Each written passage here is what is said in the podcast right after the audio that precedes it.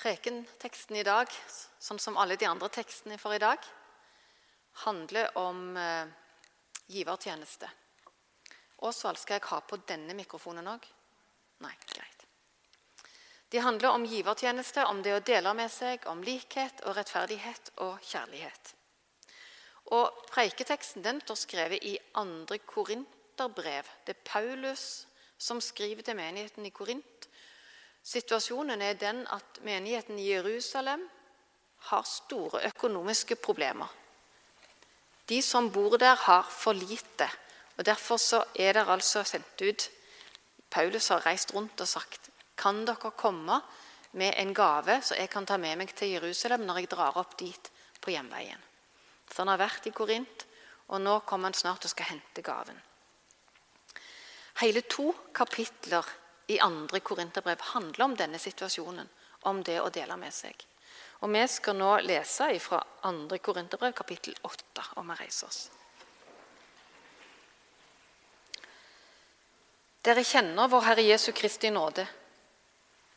Enda han var rik, ble han fattig for deres skyld. Så dere skulle bli rike ved hans fattigdom. Jeg sier min mening om dette og det kan være nyttig for dere. Dere begynte så godt i fjor og viste i handling at dere virkelig ville dette. Nå gjelder det å fullføre. Som dere ville gikk i gang, må dere nå villig fullføre alt etter evne. For når den gode viljen er til stede, skal den verdsettes etter det en har, og ikke etter det en ikke har. Det er jo ikke meningen at andre skal få hjelp og dere har det trangt, men det skal være likhet. Denne gangen har dere overflod og kan hjelpe dem som lider nød. En annen gang har de overflod og kan hjelpe dere når dere lider nød. Da blir det likhet, slik det står skrevet. Den som fikk mye, hadde ingen overflod, og den som fikk lite, led ingen, led ingen mangel. Slik lyder Herrens ord.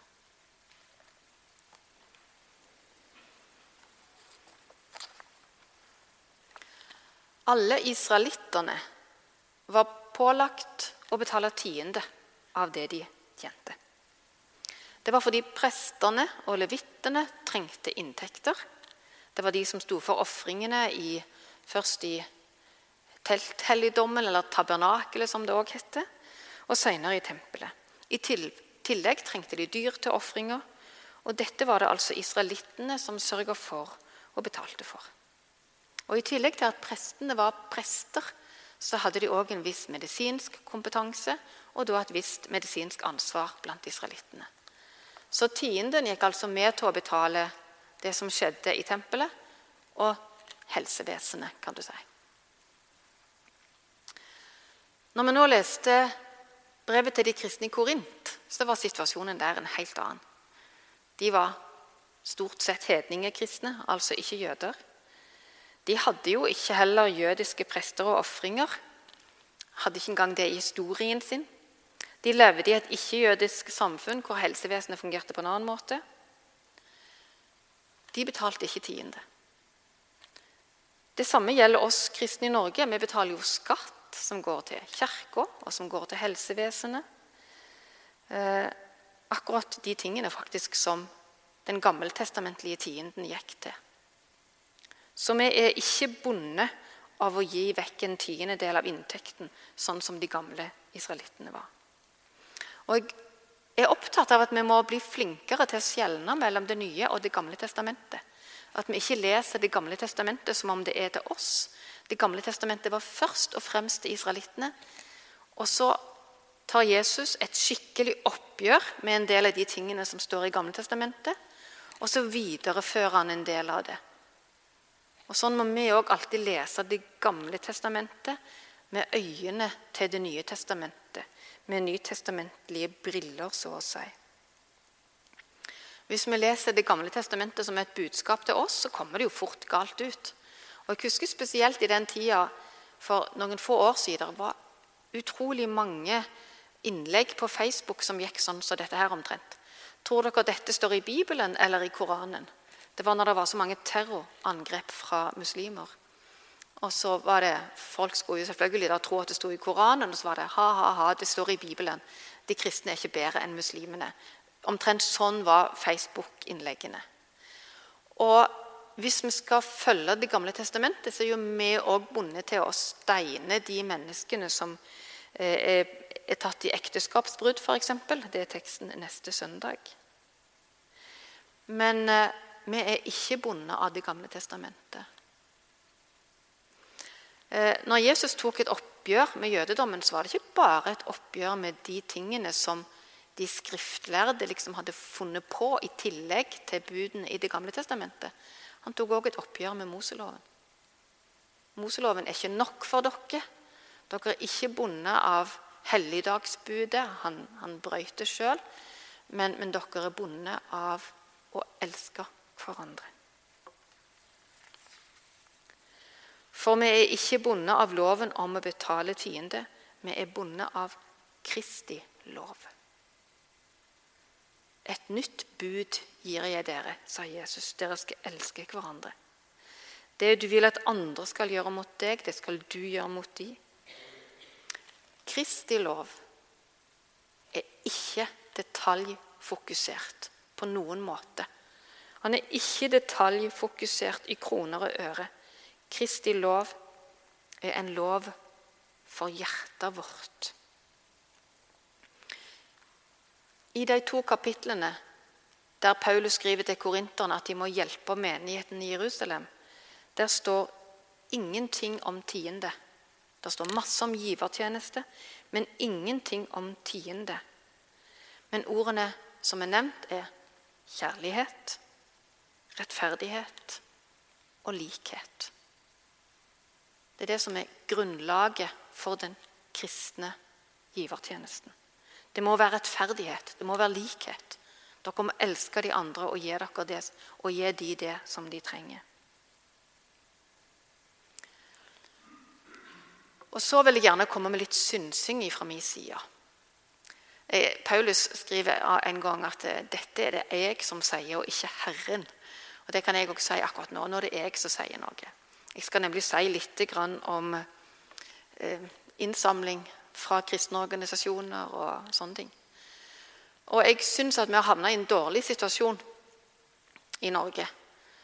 Det hjelper litt nå når personvernet er blitt bedre, men vi har hatt ei tid med veldig mye telefoner. Kan du støtte den og den? Og mye brever. Kan dere støtte den og den? Og det er veldig tilfeldig hva vi støtter. Det viser seg, det sier både folk her i Kontakt og det sier Det Norske Misjonsselskapet, at når du sender ut en giro, så er det alltid en del som gir. Mens vi andre begynner å få giroer oppi halsen og vil ikke se det. Og jeg har opplevd respektløse telefoner fra kristne organisasjoner som jeg allerede støtter, så de har mitt navn. Og det opplever jeg som såpass respektløst at jeg har slutta å gi til noen organisasjoner òg. Jeg har fullstendig nok av den måten å samle inn penger på som betyr at man Vi kan jo prøve disse og prøve å få inn litt ekstra. Jeg tror, jeg, merker meg at Paulus snakker om det på en helt annen måte. Når Paulus her skriver til korinterne, så sier han dette ble vi enige om i fjor. Da dere var villige, dere var brant for dette. Nå må vi gjøre det ferdig. Altså, en givertjeneste må være noe som vi legger oss på hjertet og i hånda, så å si. Helt konkret. Vi må gjøre noe med det. Det er ikke noe vi skal få gjennom telefonen, og så skal vi betale noe akkurat da. Jeg er en av de som reagerer på at det er mange bibeloversettelser på norsk nå. Tidligere var det Bibelselskapet som var enerådende. Og så kom det en oversettelse i 1978 som en del mennesker reagerte på. Eh, de hadde kanskje litt grunn til å reagere òg, og så ga de ut en ny oversettelse sjøl. Dermed så fikk vi plutselig to oversettelser i Norge for første gang, og så er det kommet flere til. Vi fikk eh, Bibelen Guds ord noen år etter det igjen. Eh, vi fikk eh, levende, levende, ord. Det er bare Nytestamentet på moderne norsk, som òg er et annet selskap igjen. Og Hvordan i all verden har vi hatt råd til å komme med alle disse bibeloversettelsene? Som jeg må si delvis er dårlig fundert, eh, teologisk og òg dårlig språk i. Og det er jo fordi at det er mennesker som har penger, og som gir til dette. Og de er flinke. Jeg merker særlig den bibeloversettelsen som jeg sjøl opplever som dårligst, uten å nevne navn. Eh, så er det de som har mest reklamer for sine bibler. Og jeg reagerer på at, at vi har så mye penger at vi på en måte kan drive krig mellom bibeloversettelsene. Da har vi et problem som jeg skulle ønske vi ikke hadde. Det er så mange gode saker ute i verden som vi selvfølgelig kan gi penger til. Og De fleste av oss er vokst opp og har lært å være snille og greie. Og Derfor så kommer vi i en vanskelig situasjon når vi møter et menneske ansikt til ansikt. En tigger, en asfaltselger, en, eh, noen som spør om penger til noe spesielt. Og jeg vet at har, mange av oss har blitt flinkere til å, å si Nei, jeg kan dessverre ikke støtte deg. Jeg har mine ting jeg støtter. Og det tror jeg vi må fortsette med. Vi må tenke over hva ønsker jeg å støtte. Hvilken, hvem er det jeg ønsker å gi min kjærlighet, mine penger? Hvem er det som trenger eh, støtte her, sånn at, kan, sånn at, de kan gjøre en, en, en, bedre jobb? I dag skal vi støtte CRUX, dette eh, rusarbeidet blant tørrlagte rusmisbrukere i, i Sandnes. Og jeg setter jo alltid pris på at menighetsrådet har gått inn for dette og går god for det og sier dette er noe vi som menighet ønsker å støtte. Derfor kan jeg alltid anbefale det offeret som vi gir som menighet. Men jeg tenker også at må vi, vi må bestemme om vi skal gi lite eller mye, og hvor mye vi skal gi av det som vi, som vi eier. For det er noe med det at dette skal ikke være tilfeldig. Det skal være noe som vi går inn for, som vi begynner på, og som vi fullfører. Så langt min synsing. Nå vil jeg gjerne si litt om eh, eh, teksten som Bjørg leste, fra andre Mosebok. Det er en tekst jeg er veldig glad i, nokså ukjent. Det, handler, det, begynner med to navn, Besalel og Oholiab, eh, som sto for eh, byggingen av det som i den riktig gamle bibeloversettelsen heter tabernaklet, og som i den forrige oversettelsen heter møteteltet, og som i den siste oversettelsen fra 2011 heter telthelligdommen. Det vil si, det er teltet som israelittene brukte som sitt tempel da de var på vandring i ørkenen. Andre Mosebok det handler først om Moses når han ble født, og Moses eh, når han eh, ble voksen og gjette fe til småfe til Jetro sin svigerfar. Det handler om landeplagene i Egypt. Det handler om utgangen fra Egypt og loven som ble gitt på Sinai-fjellet andre halvparten av Andre Mosebok er nesten bare, nesten utelukkende, regler for hvordan denne telthelligdommen skal se ut og bygges. Det skal være tepper i indigo, fiolett og, og rødt. De skal være på innsida, og på toppen av denne telthelligdommen skal det være skinn som er sydd sammen Det skal være tre lag, sånn at det tåler både sol og regn. Det skal være en svær eh, gjerde i teltstoff og rundt telthelligdommen. Det skal være altere ut forbi. Så skal det være av bronse, og det er der alle ofringene foregår. Inne i telthelligdommen skal det være et alter av sølv, et bord av sølv der brødene skal ligge osv. Og så innerst i det aller helligste der det er et eget teppe. Og der er paktkisten, som er belagt med gull. Med to serafer oppå, som òg er av gull. Altså Vi ser det begynner med bronse, sølv innvendig, og det aller helligste så er det gull. Og rundt telthelligdommen så slo israelittene leir. Bare prestene fikk komme inn. Og bare øverste presten fikk komme inn i det aller helligste, der som paktkisten var. Han gikk inn der én gang i året. Og jeg husker når vi oversatte det til Fulani, så husker jeg en av medarbeiderne sa bare en gang i året. Hvem gjorde rent der inne?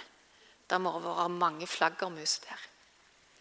Så de må jo ha gjort det rent på en eller annen måte, men det var en sånn en praktisk eh, reaksjon på det at noen bare fikk gå inn der én gang i året.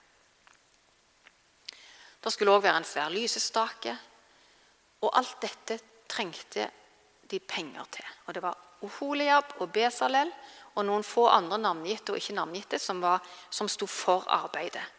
De var håndverkere som var De skulle ha masse kvaliteter, de skulle kunne arbeidet sitt, men de skulle òg være skikkelig gode mennesker. og Det var de som utførte dette arbeidet, og de tok imot gavene. Og det var jo mye som skulle til. Mange kilo gull, og det var stokker, og det var påler, og det var søyler. Og, allikevel så fikk de nok. Og det står så nydelig skrevet at Moses måtte gi beskjed om at det skulle ropes ut i leiren.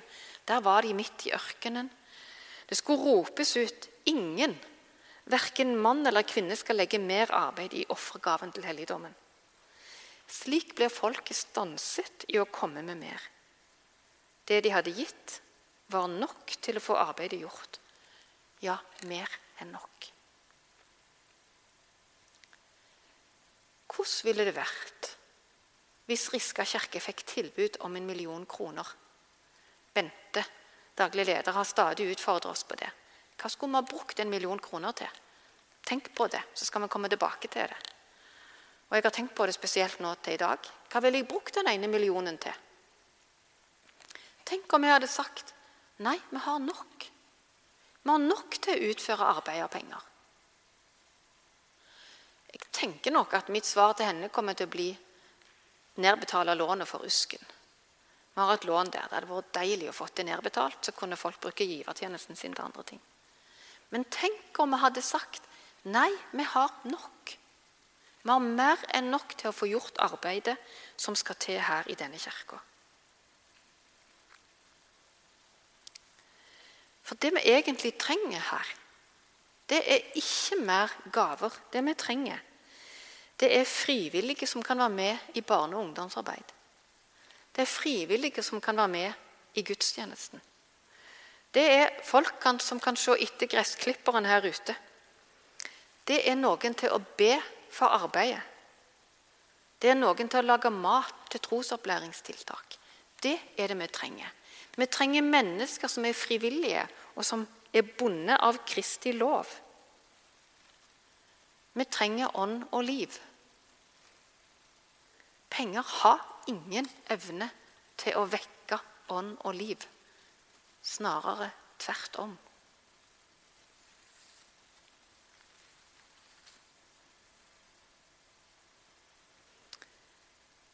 Vi er ikke bundet av den jødiske loven om å betale tiende. Vi er bundet av Kristi lov. Og hvordan forvalter vi da pengene våre? Hvordan forvalter vi kreftene våre? For noen dager siden så, så leste jeg avslutningen på ei bok jeg har lest, har, har lest nylig. Det er ei som heter Else Granefjell. Faktisk så bor hun i Stavanger. Jeg har ikke hørt om henne før. Hun hadde skrevet en, en, to, to, bøker som heter 'Ingen vil ha oss' Og bind én handler om jødeforfølgelsen under krigen, faktisk fra eh, jeg tror det var 1918 til 1947. Og nummer to, som jeg ikke har begynt på ennå, den handler om krigen i Syria nå i vårt eget tiår.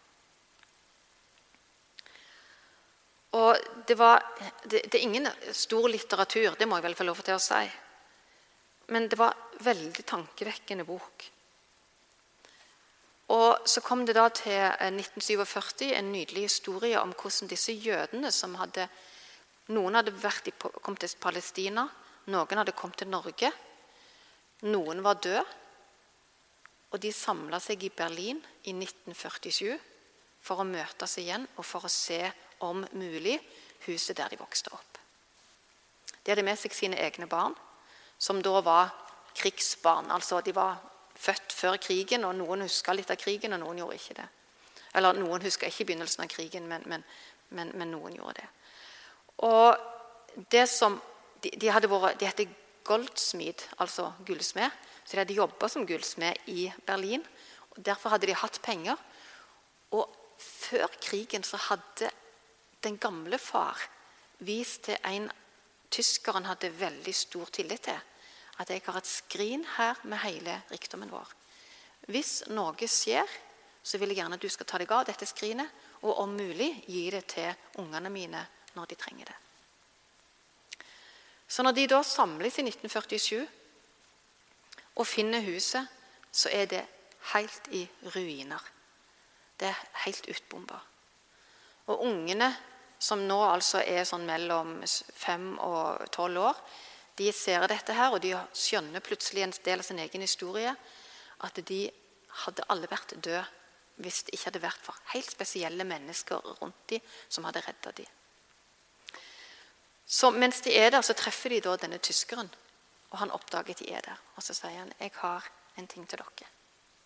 Og så kommer han med dette skrinet som han har klart å få unna før huset ble bomba ut. Og det er halvfullt av gullmynter. Noe av rikdommen hadde nemlig familien klart å hente ut sjøl. Det var veldig forskjellige summer de hadde henta ut. Så når de fikk dette skrinet, ble de utrolig glad. Og så ble de òg usikre på hvordan de skulle fordele dette, sånn at det skulle bli rettferdig. Og Så sier en av de kanskje ungene kan få være med og bestemme. Og mor til ungene syntes jo at det var litt rart, da, for de ville jo ha dokker og biler og bøker. og sånne ting. Men de fikk lov, og de gikk for seg sjøl og bestemte. De var mellom 6 og tolv år. Og jeg gikk inn på et rom og satt lenge, og så kom de tilbake igjen og så sa de alle vi vet at hvis det ikke hadde vært for helt spesielle personer i livet vårt, så hadde vi aldri vært i live i dag. Mor sier alltid vi har som vi klarer oss. Vi syns at de pengene som er igjen i skrinet, skal brukes til gjenoppbygging av Tyskland, til en skole som gjør at andre kan lære likhet og rettferdighet og kjærlighet. Det ble en veldig sterk historie i den boka. Det var avslutningen på boka. Og jeg hadde ikke forventa det. Jeg hadde forventa at de kom til å fordele pengene seg imellom. Men her var det tre jødiske barn som ikke forholdt seg til Moseloven, som sier 'gi vekk en tiendedel av dette her'. Men de hadde allerede skjønt noe av livets alvor. De hadde skjønt noe av Kristi lov, som sier det skal være likhet. Det skal være rettferdighet. Vi kristne er altså ikke bundet av Moseloven. Vi er bundet av Kristi lov. Hvis vi nå prøver å utkrystallisere Kristi lov i noen enkle leveregler, så ødelegger vi Kristi lov. For det å følge Kristus, det er livsfellesskap med Han. Det er ikke et sett med regler. Så lett er det så vanskelig er det. Må Gud hjelpe oss til å bruke våre ressurser på en riktig måte. Ære være Faderen og Sønnen og Den hellige ånd, som var, er og blir en sann Gud fra evighet og til evighet. Amen.